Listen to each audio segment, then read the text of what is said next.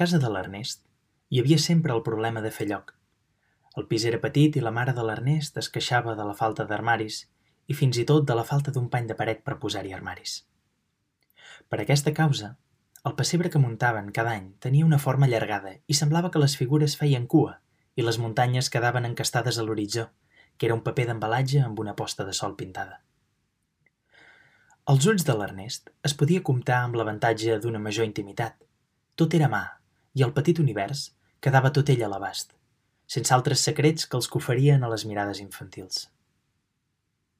Per això, el dia que el nen es va donar que un dels pastors, un pam escàs dels tres reis, es bellugava, va pensar, ja és atreviment, escollir un pis tan petit per un prodigi tan gran.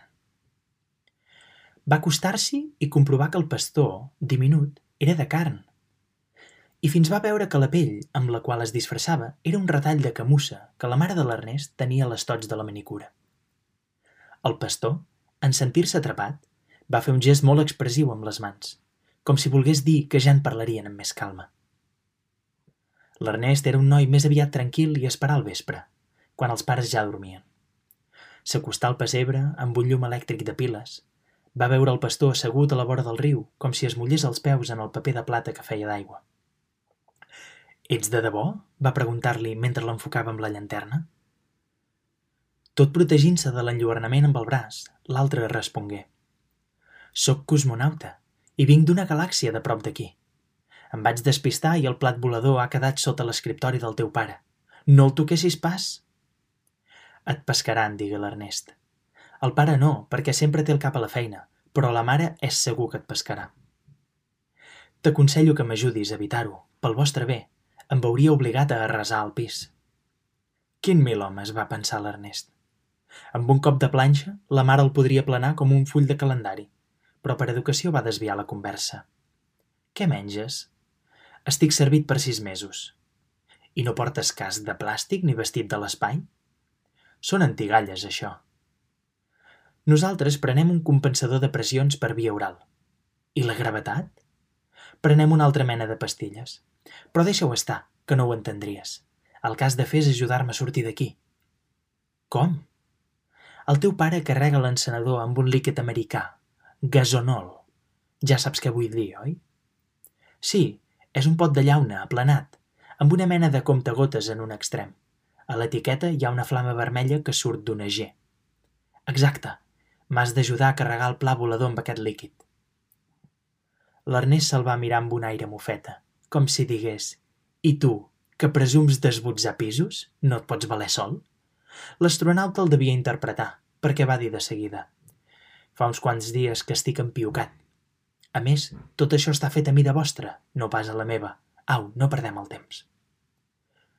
El viatger de l'espai va baixar àgilment, deixant-se anar per un dels farbalans que la mare de l'Ernest feia servir per dissimular la tremolla del pessebre. Mentre caminaven de puntetes cap a l'escriptori del pare, el nen tingué un pressentiment i va preguntar «Com és que parles tan bé el català? No em diràs que també preneu unes pastilles?» «Doncs sí, les píndoles de català són rosades. Cada idioma té el seu color. Apa, ajuda'm a treure el plat volador». L'Ernest es va posar de quatre grapes, i en el moment que anava a allargar el braç, l'astronauta li recomanà que primer toqués el vehicle amb la punta dels dits, per si encara cremava. El metall era calent, però l'escalfor es podia aguantar. La nau brillava i emetia una fosforescència intermitent. I tant si l'hauria trobat la mare, pensà el noi. No facis soroll, va pregar el visitant extraterrestre. No pateixis, els meus pares tenen un son molt fort. Va treure el gasonol del calaix de l'escriptori i, guiat pel foraster, ompli el tanc. Em sembla mentida que encara aneu amb benzina, comentà el nen. No hi anem pas. Fem servir camps de força electromagnètica. Els combustibles líquids són pels reactors d'emergència. Ah, tots els plats són petits com aquest? No, el meu és com una mena de vespa de les vostres. Però n'hi ha d'enormes, ja en deus haver sentit parlar. L'Ernest recordava algunes fotografies dels diaris però eren borroses i poc convincents. D'aquella manera, digué evasivament. Passa que sempre anem esbarats i de pressa. Fem de mal retratar nosaltres, digué l'home sideral. Abaixar la mirada, com si se'n donés una mica de vergonya, i obrir un portell que hi havia en un costat de la nau. L'Ernest no es podia treure del cap les pastilles de català. Serien tan útils! La gent es podria desitjar les bones festes sense la guait de les pronunciacions i tot seria més planer i cordial. No ens podríeu enviar píndoles de català? va preguntar de cop i volta. Suposant que el preu ens anés bé... Qui sap, però això us ho heu de fer vosaltres. L'homenet va entrar al vehicle i enmig cosa fora va mirar l'Ernest amb un posat d'agraïment. Li demanà que obrís la finestra per no trencar els vidres i s'acomiadà amb gentilesa. Gràcies i que passeu un bon Nadal. El plat va bronzir, s'il·luminar amb una claror taronjada i fugir com una ratlla de llum.